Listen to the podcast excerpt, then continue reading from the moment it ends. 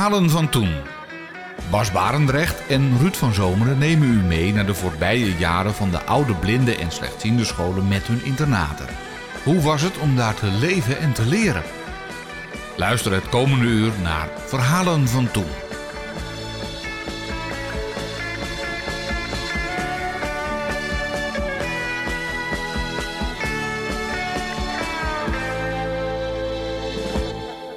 Het is 1981. Henry Haverdeel uit Doetinchem is 25 jaar. Hij heeft een aangeboren oogaandoening en de gevolgen daarvan worden erger, waardoor hij zijn werk niet meer kan doen. Via het maatschappelijk werk belandt hij uiteindelijk op het Looerf in Apeldoorn. Tijdens het intakegesprek daar constateert men dat Henry naast zijn slechtziendheid nog een ander probleem heeft. Henry is namelijk homo. En daarmee zou hij tijdens zijn revalidatietraject best grote moeilijkheden kunnen krijgen, al dus de leiding van het Looerf. Dat is allemaal reuze meegevallen. Luister naar Henry Haverdeel. Ik heb een hele beschermde opvoeding gehad. Ik was de, ja, het zorgenkindje eigenlijk, toch min of meer wel van mijn moeder zeker. Mijn vader zei altijd, die jongen die vindt zijn weg wel. Maar mijn moeder die, die, die was eigenlijk altijd bang dat ik de straat op ging. En die zei altijd van, uh, ik wil mijn kinderen niet buiten de deur hebben, want ik, ik, ik heb er zeven. Maar als ik er twaalf had, was, was het me ook lief geweest. En ik kan er niet één missen. Want als mijn ouders wel eens een keer een dag weggingen of nou, een weekend, dat kan ik me haast niet voorstellen. Maar dan was het altijd zo dat mijn moeder belde van, uh, ik kom eerder naar huis van, dan had ze alweer heimwee naar ons. We hadden een, heel, een hele lieve moeder, ook een hele fijne vader, daar gaat het niet om. Maar mijn moeder was echt heel extreem voor de kinderen en zeker voor mij van, veel te bang dat er wat gebeuren zou. Nee, die zou mij nooit buiten de deur geplaatst hebben. Of die zou nooit gewild hebben dat ik naar een, uh, naar een school ging voor, uh, voor slechtzienden. Mijn oogaandoening, uh, aniridie, is vrij onbekend, uniek. Er zijn, uh, ja, ik denk zo'n 400, 500 uh, personen in, in, in, in Nederland.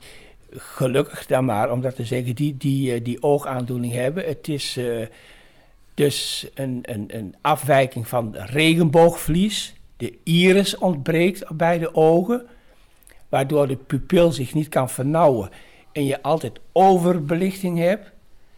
En daar komen bijverschijnselen bij op latere leeftijd van uh, glaucoom. Nou ja, dat, dat, verhoogt, dat beschadigt dan weer de oogzenuw. En daarnaast uh, krijg je dan staar. En daar komt dan nog een ander bijverschijnsel bij, wat ook heel lastig is: vertroebeling op het horenvlies. Dus ja, dat was allemaal toen zo'n beetje aan de hand. En uh, ik had voor mezelf inderdaad het idee van, ja, ik ben de enige die die, die, die probleem heeft. En verder, verder voor de rest kan mij daar toch niemand mee helpen.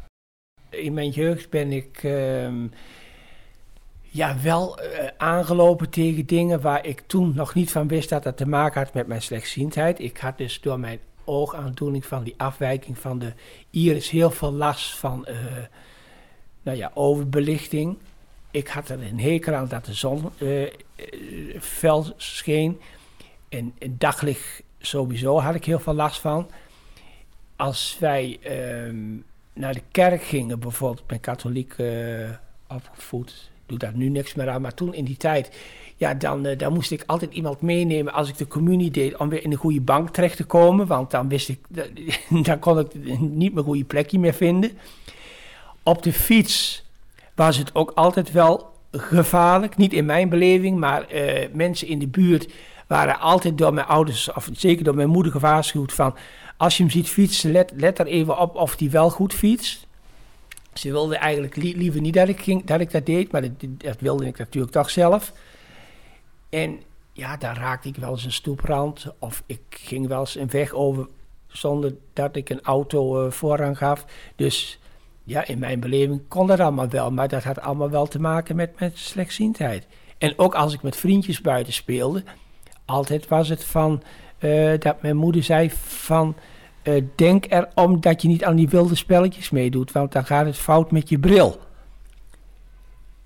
En als ik uh, bijvoorbeeld thuis, dan kregen we wel eens van een, een of andere een of andere winkel een kleurplaat mee. Daar kon je een prijsje mee winnen. Nou, dan, dan moest er gekleurd worden. Ik had twee broers, die deden daar ook aan mee. Mijn moeder deed er altijd een briefje bij, als we het opstuurden.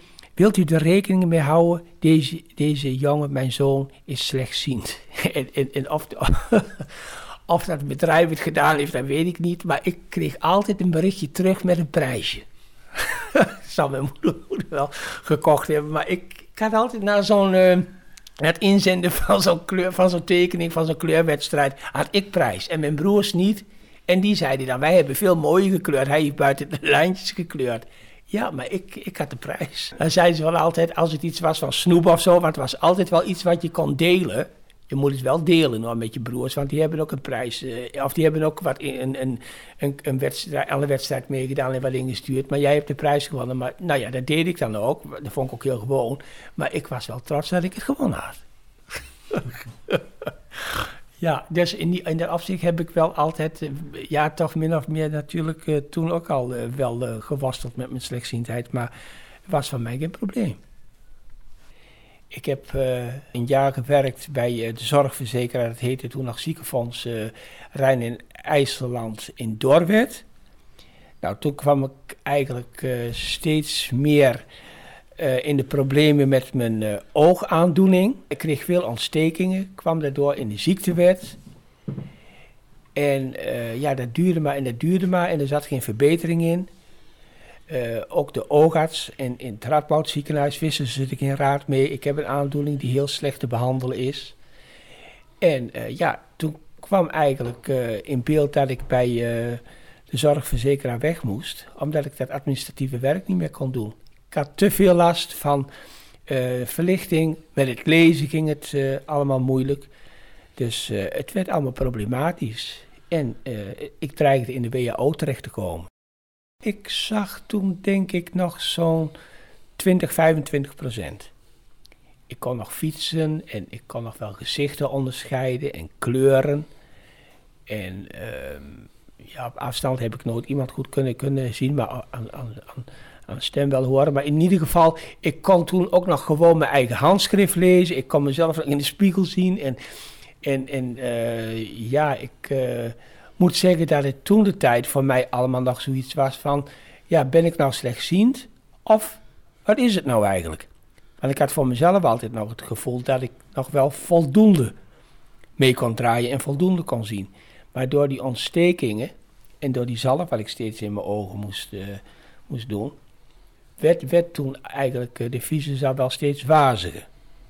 Ik had, uh, ik had me kort daarvoor wel aangemeld bij de toenmalige NVBS, omdat ik toch wel uh, uh, ja, eigenlijk heel veel verhalen hoorde van uh, mensen met oogaandoeningen die ja, nou goed bij, bij elkaar kwamen tijdens vergaderingen of andere bijeenkomsten, activiteiten. En toen dacht ik van, nou ja, ik kan in ieder geval ehm, door middel van toen de tijd periodieken met cassettebandjes en dergelijke mezelf op, uh, nou ja, de, kennis uh, op de hoogte laten stellen van wat er allemaal uh, in blinde en slechtziende hand, in blinde en slechtziende land georganiseerd wordt en wat ze misschien voor mij kunnen betekenen en of ik me daar thuis zal voelen. Ik had daarvoor eigenlijk nooit echt belangstelling voor, voor mensen met een visuele beperking, maar ik voelde mezelf gewoon goedziend naarmate ik toch wat meer activiteiten ging bezoeken en ook wat vergaderingen in de afdelingen Arnhem-Nijmegen, kwam ik erachter van, uh, ja, dit, dit is wel wat voor mij. Ik moet toch uh, mijn kennis hier opsteken, want ik kan hier wel wat mee. Dus toen ik uh, dan zeg maar um, in het proces terecht kwam van dat ik arbeidsongeschikt dreigde te worden, toen heb ik ehm, ja, toch wat steun gezocht, ook bij maatschappelijk werk hier in, uh, in Doetinchem. En toen uh, heb ik een huisbezoek gehad van een maatschappelijk werker. En die zei toen tegen mij, wat zou je dan willen? Ik zeg, ja, ik wil toch wel graag iets blijven doen op administratief gebied. En misschien, uh, als ik het goed begrepen heb, voor mensen met een visuele beperking, vooral slechtziend, of blind, hoe dan ook, in de, in in de telefonie. Nou, hij zei toen wel gelijk van, ja, dan weet ik misschien wel iets voor je in Apeldoorn, een revalidatiecentrum. Klonk mij allemaal wat vreemd in de oren. Ik dacht, ja, dan moet je toch wel bijna blind zijn om, om naar een revalidatiecentrum te gaan, want daar kan ik toch nog voldoende, daar kan ik toch nog genoeg voor zien. Maar goed, van de andere kant uh, had ik ook zoiets van, ik moet het niet afwijzen, want dan weet ik helemaal niet meer welke weg ik moet bewandelen. Uiteindelijk, uh, ik ben met uh, Stef, de maatschappelijk werker, uh, heb ik een, een, stappenplan gemaakt. Hij zegt, wij gaan gewoon eens gewoon een oriënterend gesprek op het Low Erf. Toen nog het Low Erf, nu Koninklijke Visio toen het Lo Erf. En dan gaan we eens even, even met z'n tweeën daar horen wat er misschien voor jou te doen is. Wat je daar kunt opsteken.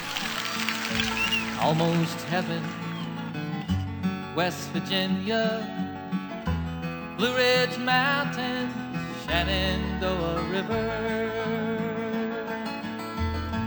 Life is old there, older than the trees, younger than the mountains, growing like a breeze. Country roads take me home to the place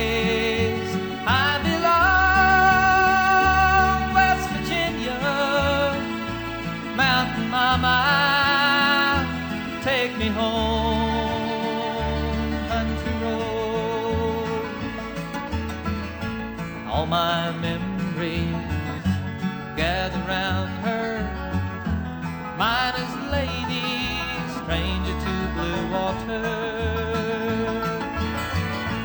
Dark and dusty, painted on the sky. Missed a taste of moonshine, teardrops in my eyes.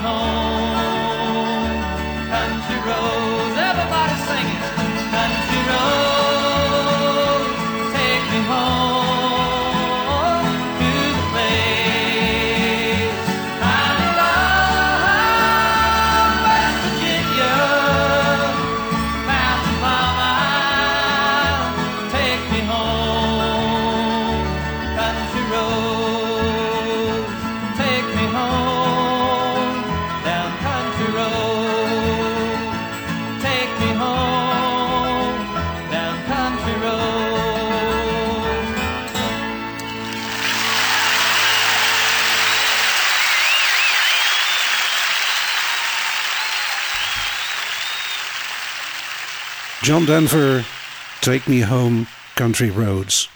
Je luistert naar Verhalen van Toen via Radio 509. Dit is het verhaal van Henry Haverdeel. Wij zijn daar naartoe gegaan op de middag. We zouden een eh, intakegesprek hebben met, eh, met Nel. Nel was eh, de dame die daar van de woonafdeling zeg maar alles afwist. Maar ook heel veel dingen ging vertellen over de gang van zaken, hoe de revalidatie zou verlopen. Nou, en eh, we waren daar, we, hadden, eh, ik had wat informatie gehad. Een minuut of tien of een kwartiertje, denk ik. En toen, toen zegt ze, ja, ik ben wel aan het vertellen. Ze zegt, maar ik wil je toch eigenlijk tussentijds, voordat we verder gaan, een vraag stellen. Ze zegt, van, houd me al bezig vanaf dat ik je een hand heb gegeven. Ze zegt, want eh, ik, ik zit er een beetje mee. Nou, ik denk, kom er maar mee dan. Ze zegt, ben jij homoseksueel? Nou, denk, ja, ik, ik, ik had toen echt zoiets van... Ik, ik, ik, ik, eh, was toen al wel zo ver dat ik van mijn geaardheid uit wilde komen. Maar ik denk, nou, dan komt me nog een rouw op het dak vallen. Want zij klonk vrij dominant en zoiets van, uh, net alsof het verwijtend bedoeld was. Toen zeg ik tegen haar, wat, waarom vraagt u dat? En, en, en wat bedoelt u daarmee? Ja, ik denk, jeetje, nog eens toe. Toen zegt die Stef tegen mij, mevrouw, vraag je, vraag je enkel alleen of je homoseksueel bent. Maar ik had toen juist begrepen dat dat een, een, een rotwoord is. Je, kunt wel vragen, ben je homo? Maar homoseksueel, dat zijn we echt meer gericht op het seksuele vlak. Dus ik zeg tegen haar, uh, ik wil eerst weten van u waarom u het vraagt... en dan geef ik u een antwoord op mijn vraag. Maar in ieder geval, toen zegt ze nou, om een lange discussie dan kort te houden... Ze zegt, je kunt het wel eens heel moeilijk krijgen hier met de revalidatie. Ze zegt, want wij hebben hier uh, mensen van allerlei rangen en standen met uh, verschillende geloofsovertuigingen. Ze zegt, en uh, ik weet niet hoe je er zelf mee omgaat. Als je homo bent, want dat wist ze toen, want ik had nog geen definitief antwoord gegeven. Ze zegt, daar wil ik je voor waarschuwen. Dat zei ik, dat herhaalde ik toen ook nog een keer. Ik zeg maar, waarom vraagt u? Toen zegt ze, nou ja, ze zegt om het zomaar te zeggen. Ja, ik zag het toen, uh, dat heb ik altijd uh, vrij verzorgd uit. Ze zegt, nou ja, als je de meeste mannen die je ziet, die zien er een beetje ze zegt, die zien er een beetje nonchalant uit. En die hebben zoiets van, nou ja, god. Ze zegt, maar je ziet er zo, uh, zo pontificaal uit. En je ruikt lekker. En, en ja, alle soort dingen weer. Ik zeg, ja, maar zo, zo ben ik gewoon. Ik hou ervan om er verzorgd uit te zien. En als ik ergens naartoe ga, als ik thuis ben, dan wil ik best in vrije tijdskleding rondlopen. Maar als ik ergens naartoe ga, wil ik, wil ik er gewoon goed uitzien. Ze zegt, ja, maar je hebt toch een bepaalde uitstraling. Nou, ik zeg, nou ja, goed, homo ben ik, dat, dat, dat is geen punt. Ik zeg maar, op de manier hoe je het vraagt, dat bevalt mij niet. Nou, toen had ze wel door dat ik, dat ik, dat ik uh, in ieder geval dat toch, dat ik daardoor wat geïrriteerd was en dat ik haar dat niet in dank had afgenomen. Toen zegt ze, maar ik bedoel het niet zoals, jij het, eh, zoals het bij jou overkomt. Toen, toen, was ze wel een beetje inschikkelijk en toen had ze wel door van, oh, ik heb het toch niet op de juiste toon gevraagd. Ik was toen 25 en ik had me toen aangesloten bij uh, verschillende. Toen had je gespreksgroepen van de kringen. En het was voor mensen met, een coming-out. En uh, nou ja, goed, daar werden dus uh, gewone gesprekken gevoerd voor, voor, voor mensen die dus of, of getrouwd waren en die toch een probleem mee hadden. Of, of jongeren, zoals ik toen in die tijd was. Die eigenlijk toch, want ik kwam van een dorpje hier, in uit de buurt van Doetinchem. Daar werd ook wel eens naar me gewezen van God als een homo. En nou ja, ik wilde van andere mensen wel eens horen hoe hun daarmee omgingen. En daar ben ik door gesterkt van laat je niet van de kaart vegen. En als mensen met bepaalde vragen komen die jou niet bevallen, laat je niet ondersneeuwen en kom in verweer en verdedig onze doelgroep. Nou, dat heb ik toen ook, uh, wat mij betreft, wel gedaan.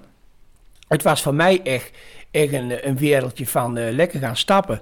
Verder geen, geen zorgen maken over van wat de buitenwereld zegt of denkt maar gewoon zelf het beste ervan maken. Geen andere mensen lastigvallen ermee.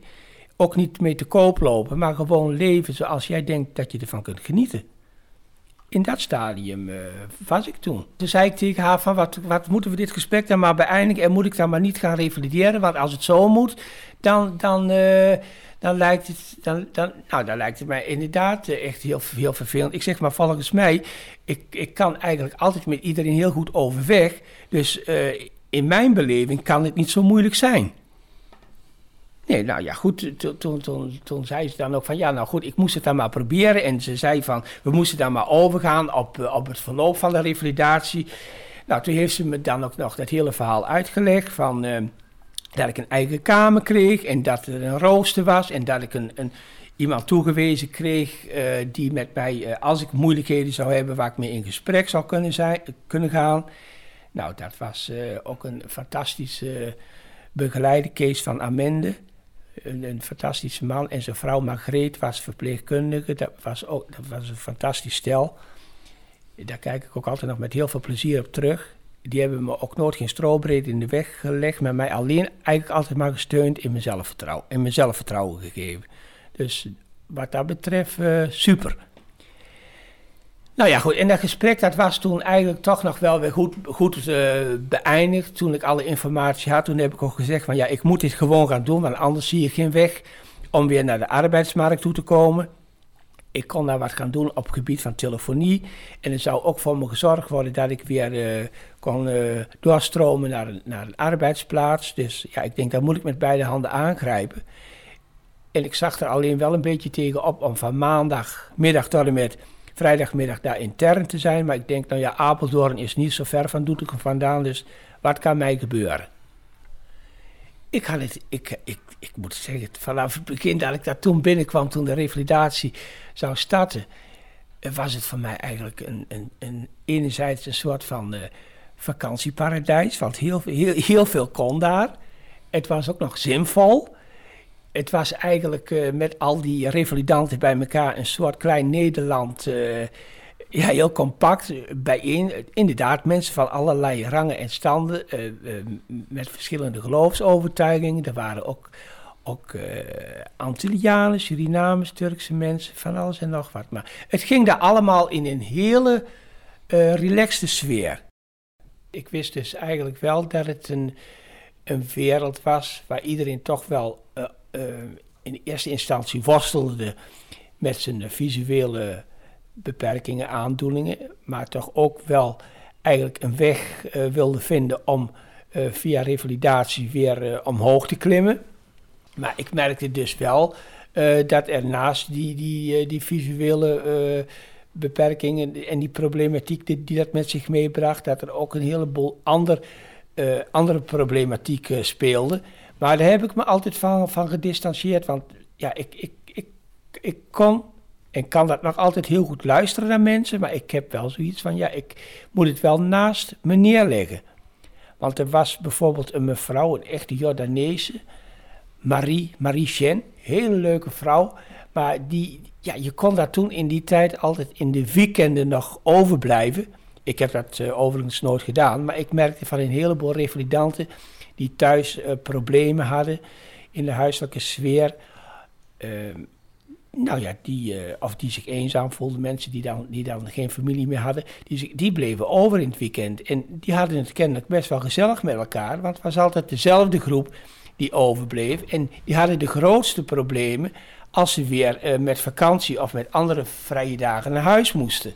Ja, die hadden het daar wel heel erg naar de zin. Die zagen de weekenden ook als een feestje, want dan was het rustig en dan konden ze lekker met elkaar uh, ja, van alles en nog wat doen. Uh, werd, ik moet ook eerlijk zeggen, er werd ook op allerlei gebieden van alles met je gedaan. Als je naar een winkelcentrum wilde of je wilde gewoon wandelen naar, naar het paleis. En, en nou ja, je kon zo gek niet bedenken. Het was daar gewoon een, een, een paradijs ook. Ook voor mensen die eenzaam waren, die hadden het daar gewoon geweldig. En uh, ja, wat dat betreft denk ik dat een heleboel mensen die toen op dat moment daar heel veel verdriet hadden, toch daar de tijd van hun leven hebben gehad. Maar uh, ik heb uh, wat dat betreft, ja, daar, daar nooit mezelf in verdiept. Ik dacht altijd van, ja, ik moet toch in allereerste instantie hier voor mezelf opkomen en aan mezelf denken en werken.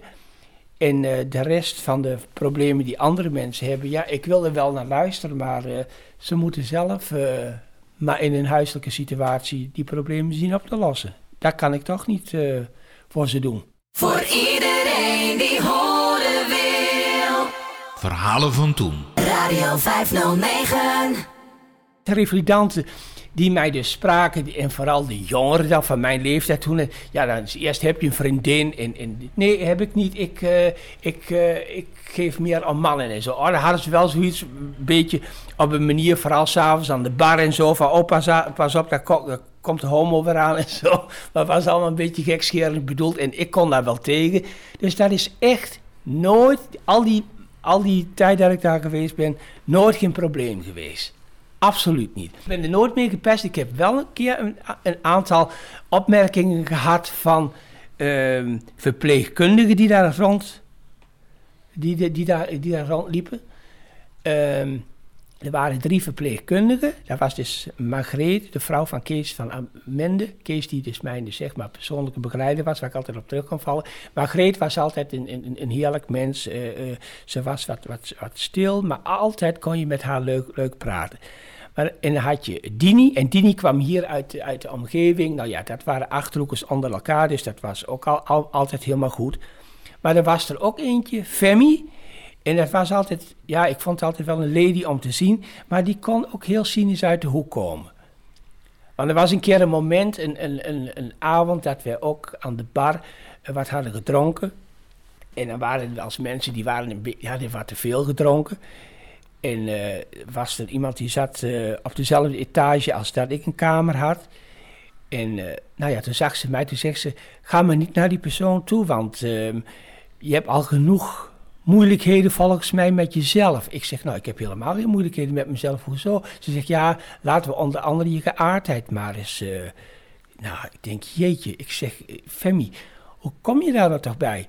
Ze zegt, nou ja, ze zegt, je, je maakt me toch niet wijs dat je het daar makkelijk mee hebt in deze tijd. Dat was dan toen natuurlijk in de jaren tachtig. Ik zeg, nou, ik heb er helemaal geen problemen mee. Ik denk dat het jouw probleem is, maar niet het mijne. Dus dat vond ik toen ook wel weer heel confronterend. Want er werd mij toen ook wel regelmatig gevraagd van... ehm, eh, als je in het weekend vrij bent, ga je stappen. Waar ga je dan naartoe? Ja, ik zei dan wel eens van... En het was ook zo. Ik had toen ook een, eh, een eh, platonische vriend. Daar ging ik regelmatig mee naar Amsterdam. Want ja, hier in de buurt had je ook niet zoveel. En ik wilde echt gewoon graag eens verder om me heen kijken. Dus we gingen daar ook naar barretjes en dergelijke dingen. Maar ja, ik had die, ik had die, ik had die vriend. Daar gingen gewoon leuk eh, mee naar een barretje, wat drinken, eh, overnachten en dergelijke dingen. En verder gebeurde er helemaal niks. Maar de buitenwereld heeft dan toch altijd het gevoel, en dat heb ik daar ook wel eens te horen gekregen, van ja, homomannen hebben altijd heel veel buitensporige relaties. En, en heel veel seksuele contacten. Nou, ik heb toen gezegd van, ehm, ik weet van voor mezelf waar ik van sta, ik heb dat niet. Maar wat een ander daarvan denkt, dat, dat, dat is eh, voor hun. Eh, ik weet waar, ik mee bezig ben en dat eh, is voor mezelf. En verder voor de rest, eh, nou ja, bekijk het maar. Well, life on the farm is kinda laid back. Ain't much an old country boy like me can't hack. It's early to rise, early in the sack. I thank God I'm a country boy.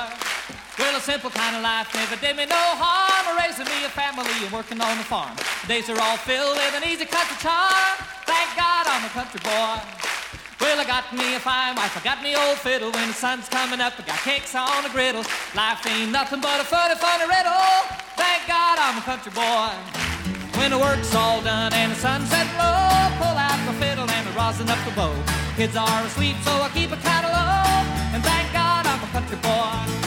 I'd play Sally Gooden all day if I could, but the Lord and my wife wouldn't take it very good. So I fiddle when I can, work when I should. And thank God I'm a country boy.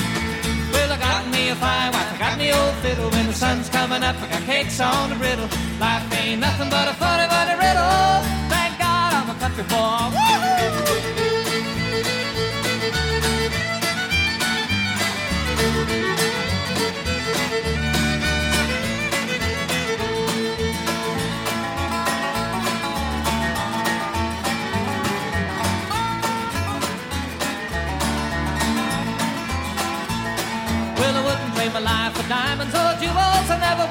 Of them money-hungry fools. Rather have my fiddle and my farming tools. Thank God I'm a country boy. Yeah, city folk driving in a black limousine. A lot of sad people thinking that's mighty keen. Son, let me tell you now exactly what I mean. I thank God I'm a country boy. Well, I got me a fine wife, I got me old fiddle. When the sun's coming up, I got cakes on a griddle. Life ain't nothing but a funny, funny riddle.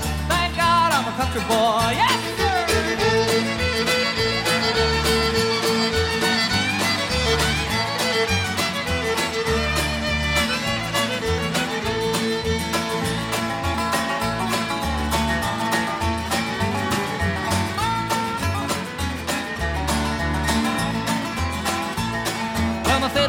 my till the day he died. And he took me by the hand, held me close to his side. Said, live a good life, play my fiddle and cry. And thank God you're a country boy. Well, my daddy taught me young how to hunt and how to whittle. Taught me how to work and play a tune on the fiddle. Taught me how to love and how to give just a little. And thank God I'm a country boy. Well, I got me a fine wife, I got me old fiddle. When the sun's coming up, I got cakes on the griddle. Life ain't nothing but a funny, funny riddle. Country boy, yeah!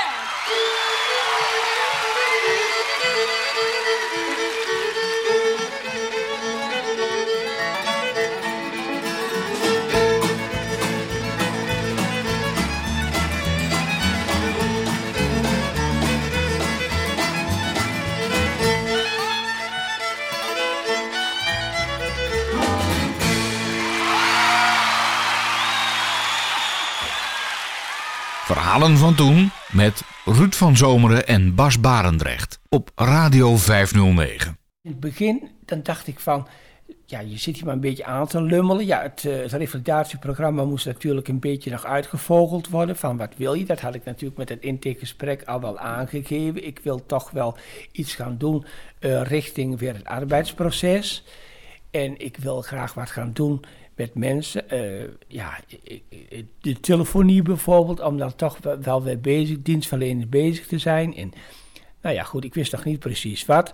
Je kreeg een rooster en, en, en ja, en soms dan had je s'morgens een paar programma's en dan had je weer eens eventjes een paar uurtjes niks te doen en smiddags had je dan wat. Dus de, de eerste maanden, na, naarmate je wat langer was, kreeg je wel wat meer op je programma. Maar de eerste weken en maanden dat je daar was, was het, was het erg rustig. En kon je eigenlijk gewoon elkaar heel goed leren kennen. Dus ik heb daar met een heleboel mensen hele leuke contacten opgebouwd. Maar merkte ook wel dat er heel veel mensen waren met, naast een visuele beperking, heel veel andere grote problemen. In de relationele sfeer, of financieel gebied.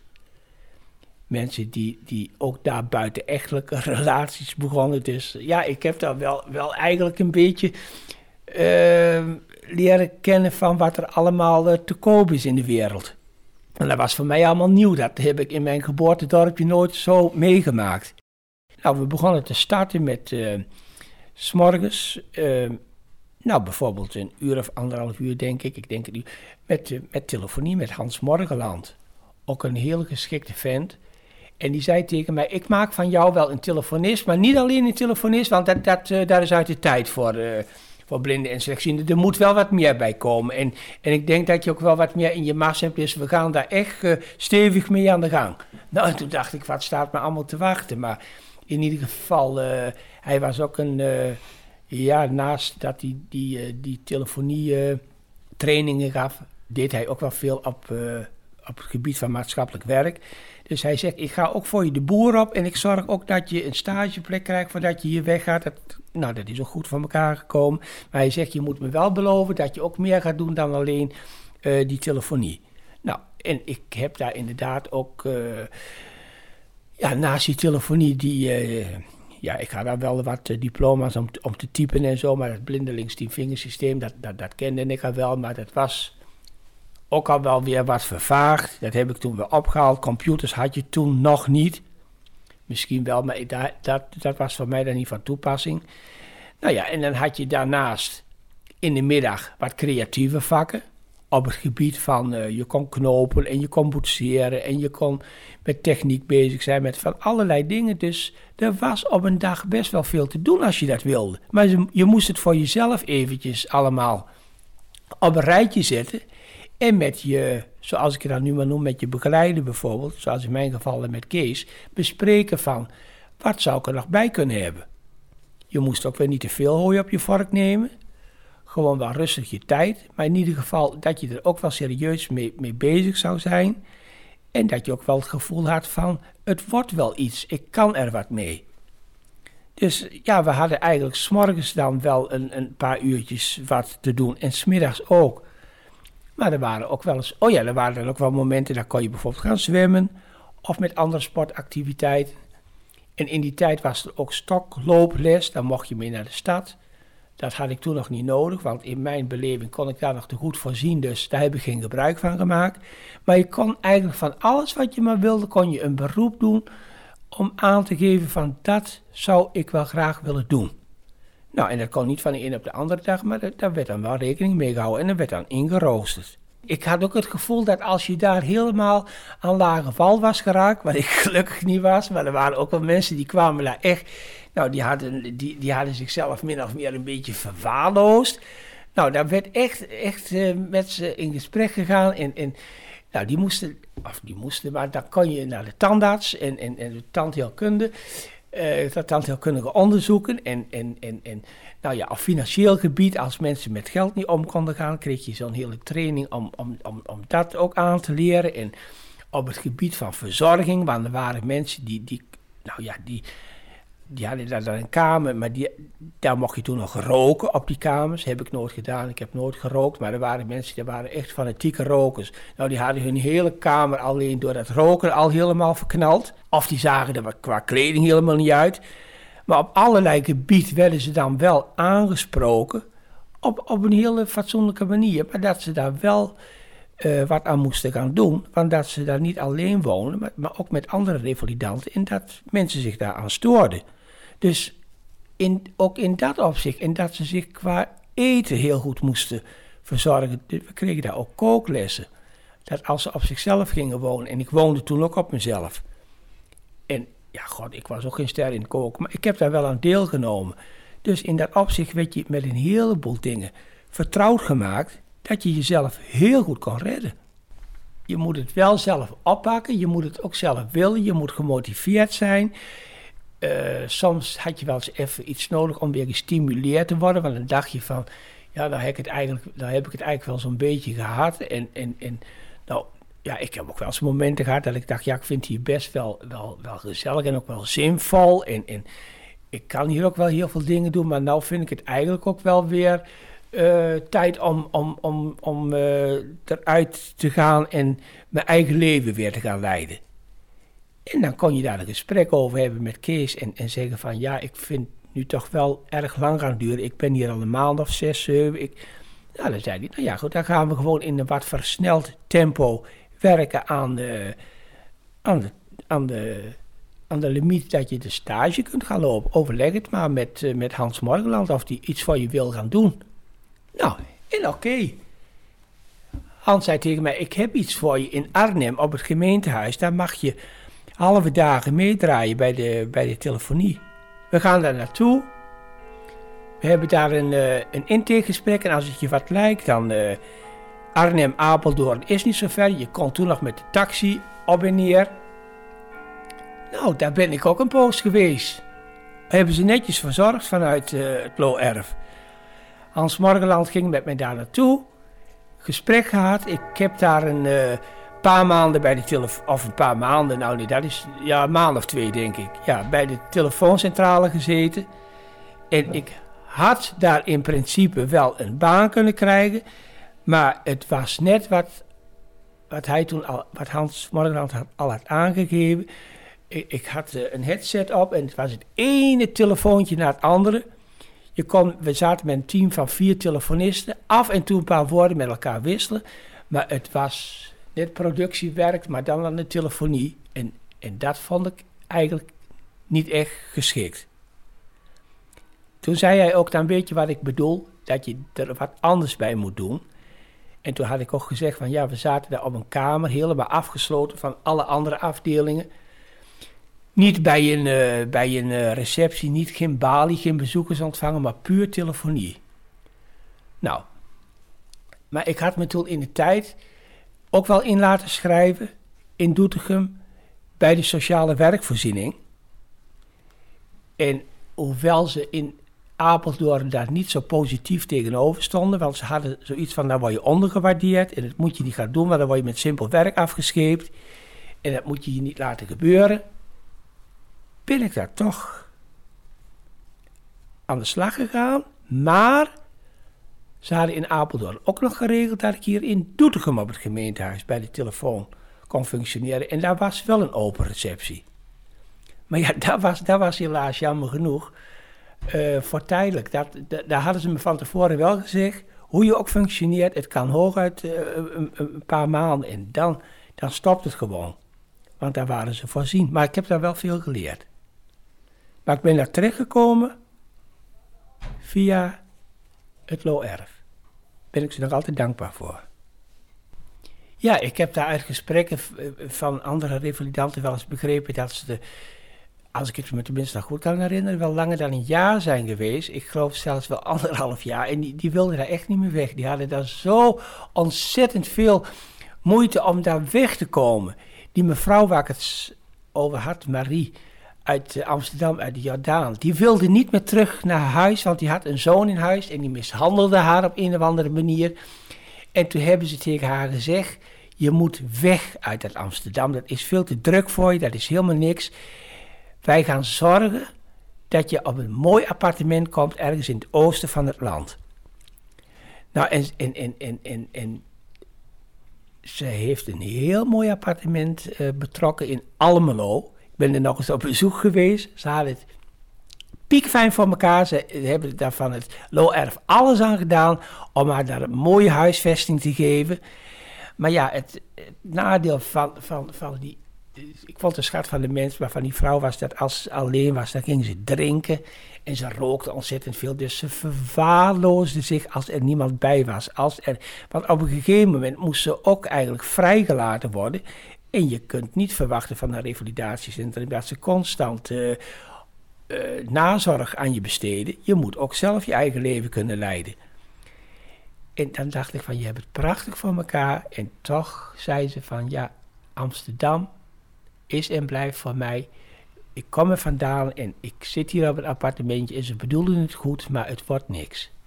En of het wat geworden is, dat weet ik, want later is het verwaterd. Maar ik bedoel, daar zorgden ze allemaal voor. Als jij uh, zei van, ik, ik, ik zie er tegenop om hier weg te gaan en, en, en dat hebben ze toch alles geprobeerd.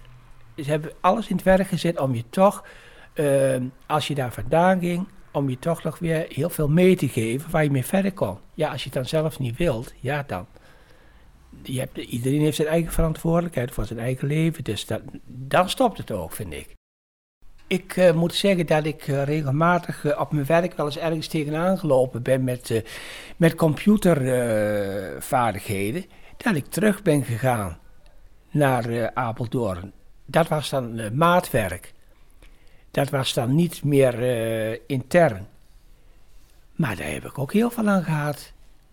Kijk, als je, als je thuis een goede relatie hebt en je, je, hebt, dus verder, uh, je hebt verder een baan, ja, dan vind ik uh, een, een revalidatie intern wel weer wat anders als toen de tijd toen ik alleen was. Maar ik vind dat als je na verloop van tijd weer tegen, tegen dingen aanloopt, tegen, dat je zegt van ja, ik loop vast dan vind ik een revalidatie wel, ja, dan, dan denk ik van, daar zou ik er zeker wel gebruik van maken.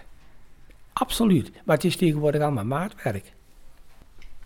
Wat ik, ik toen in die tijd meegemaakt heb, in, in 81, dat ik op het Low kwam, dat, dat was um, ja, een heel gemeleerd uh, gezelschap van.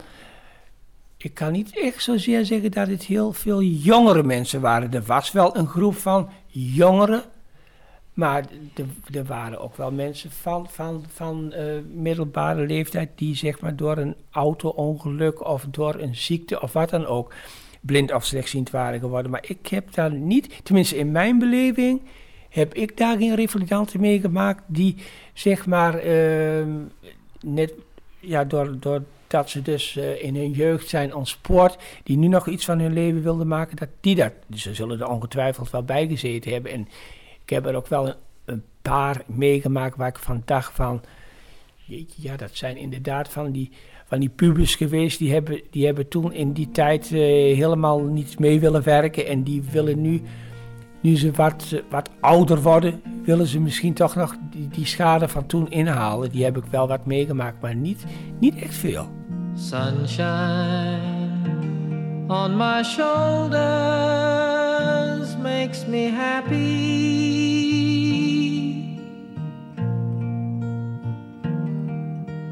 Sunshine in my eyes can make me cry.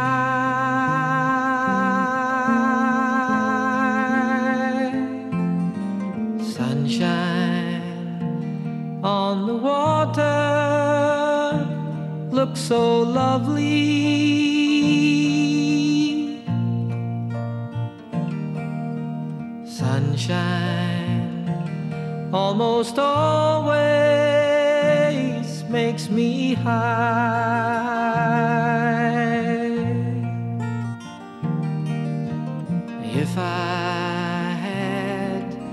Day that I could give you.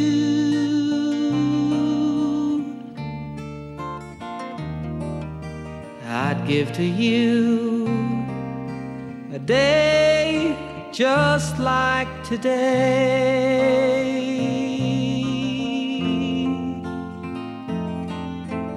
If I had a song that I could sing for you.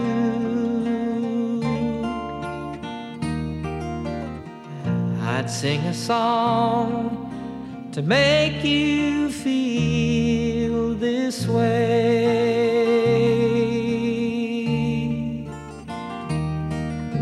Sunshine on my shoulders makes me happy.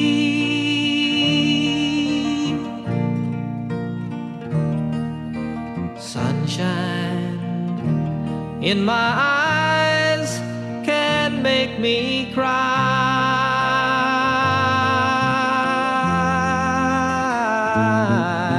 Sunshine on the water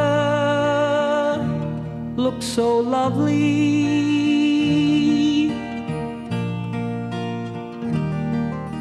Sunshine almost always high. If I had a tale that I could tell you,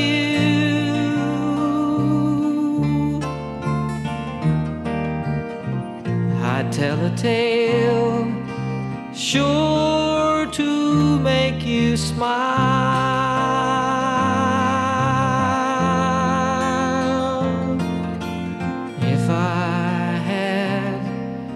Wish that I could wish for you,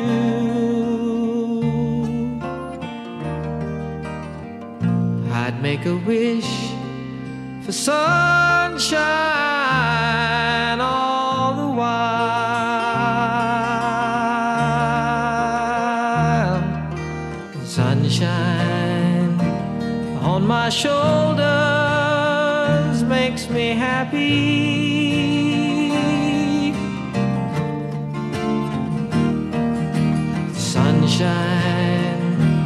in my eyes can make me cry.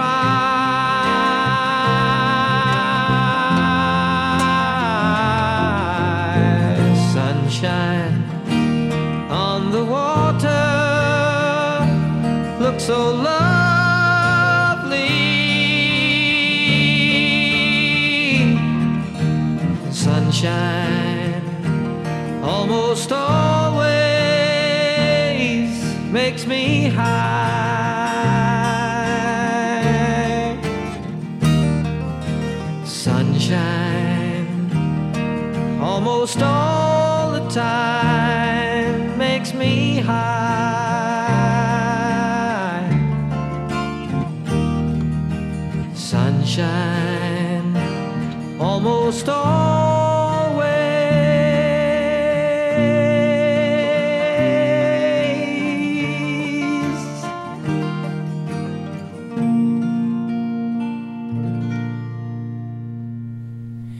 Ben eh, nadat ik het uh, Low Erf heb verlaten, eh, niet in een zwart gat gevallen. Want ik was toen ook wel blij dat ik na al die maanden de revalidatie afgesloten had. En ik had voor mezelf het gevoel, en daar werd ik ook in bevestigd door, eh, door Kees van Amende, mijn begeleider, en door Hans Morgenland. Die zeiden, je hebt je heel goed ingezet en, en, en, en jij komt er wel. Eh, jij bent eh, serieus genoeg met alles bezig en je hebt ons hier ook, eh, ook in alle opzichten niet teleurgesteld. Je hebt overal volledig aan meegewerkt. Nou ja, goed. Ik eh, had toen hier in Doetinchem dan nog eh, bij het gemeentehuis eh, die, die, die, die stage. En ik kon toen ook gelijk beginnen bij die sociale werkvoorziening om zwartdrukboeken om te zetten in, in braille. Heb ik ook een poosje gedaan bij een dienstverlenend centrum. En toen zeiden ze ook, we hebben hier ook administratief werk voor je.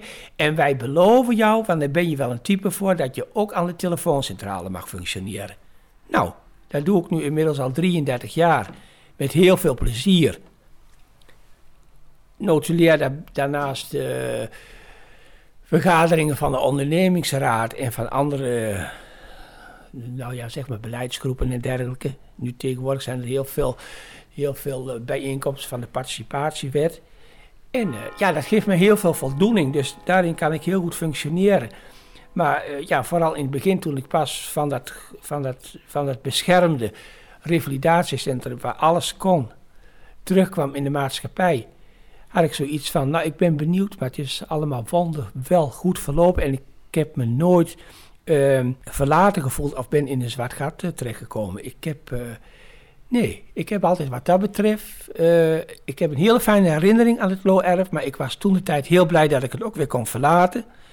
En ja, ik ben gelukkig wat dat betreft goed, goed terechtgekomen en daar ben ik toch echt wel al die medewerkers van het Loo-erf heel dankbaar voor. Ik ben uh, aangesloten, toen was dat in oprichting de BOR, de Belangengroep van Oud-Revalidanten. Toen stond dat nog in de kinderschoenen, maar dat heeft toen steeds meer gestalte gekregen. In het begin, die, die jaren dat ik weg was op het, op het Loo-erf, ben ik er nog heel veel, heel vaak naartoe geweest.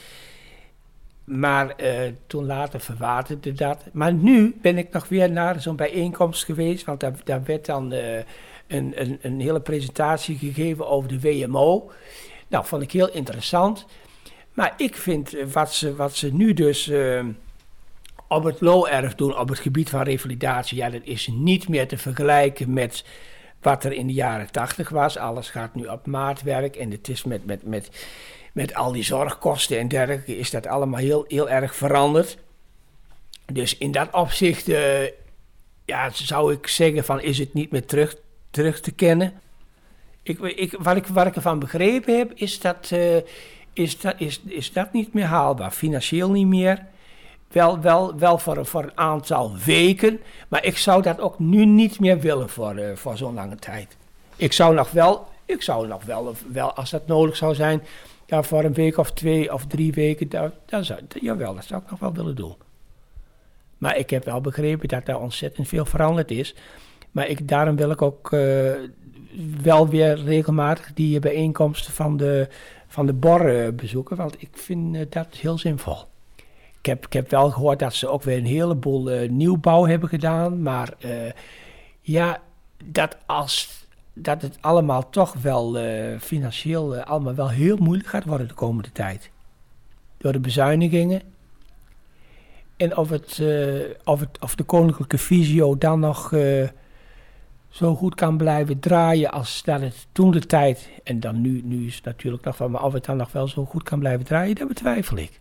It's by far the hardest thing I've ever done To be so in love with you, so alone Follow me where I go, what I Make it part of you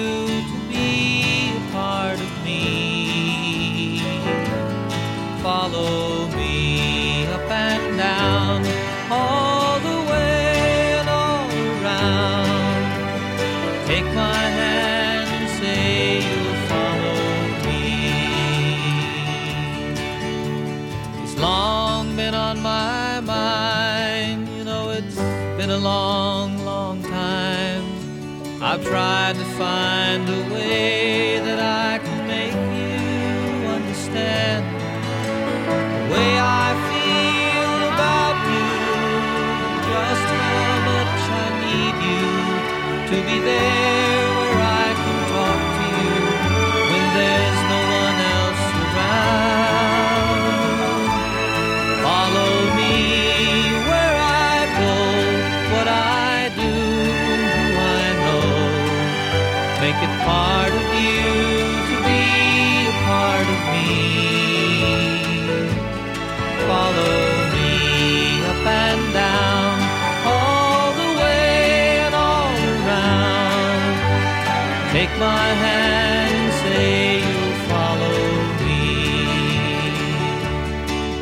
see, I'd like to share my life with you, and show you things I've seen. Places that I'm going to, places where I've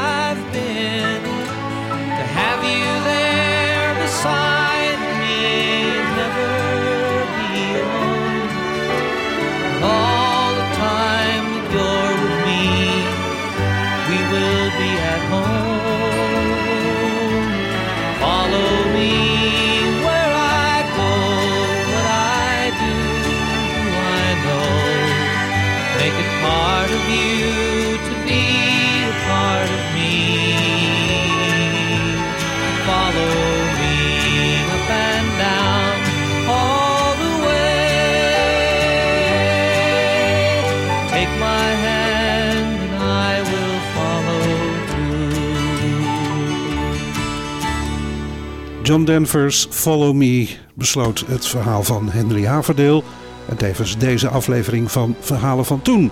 Dank voor de aandacht. Tot de volgende keer. Dag. Verhalen van Toen is een programma van Ruud van Zomeren en Bas Barendrecht.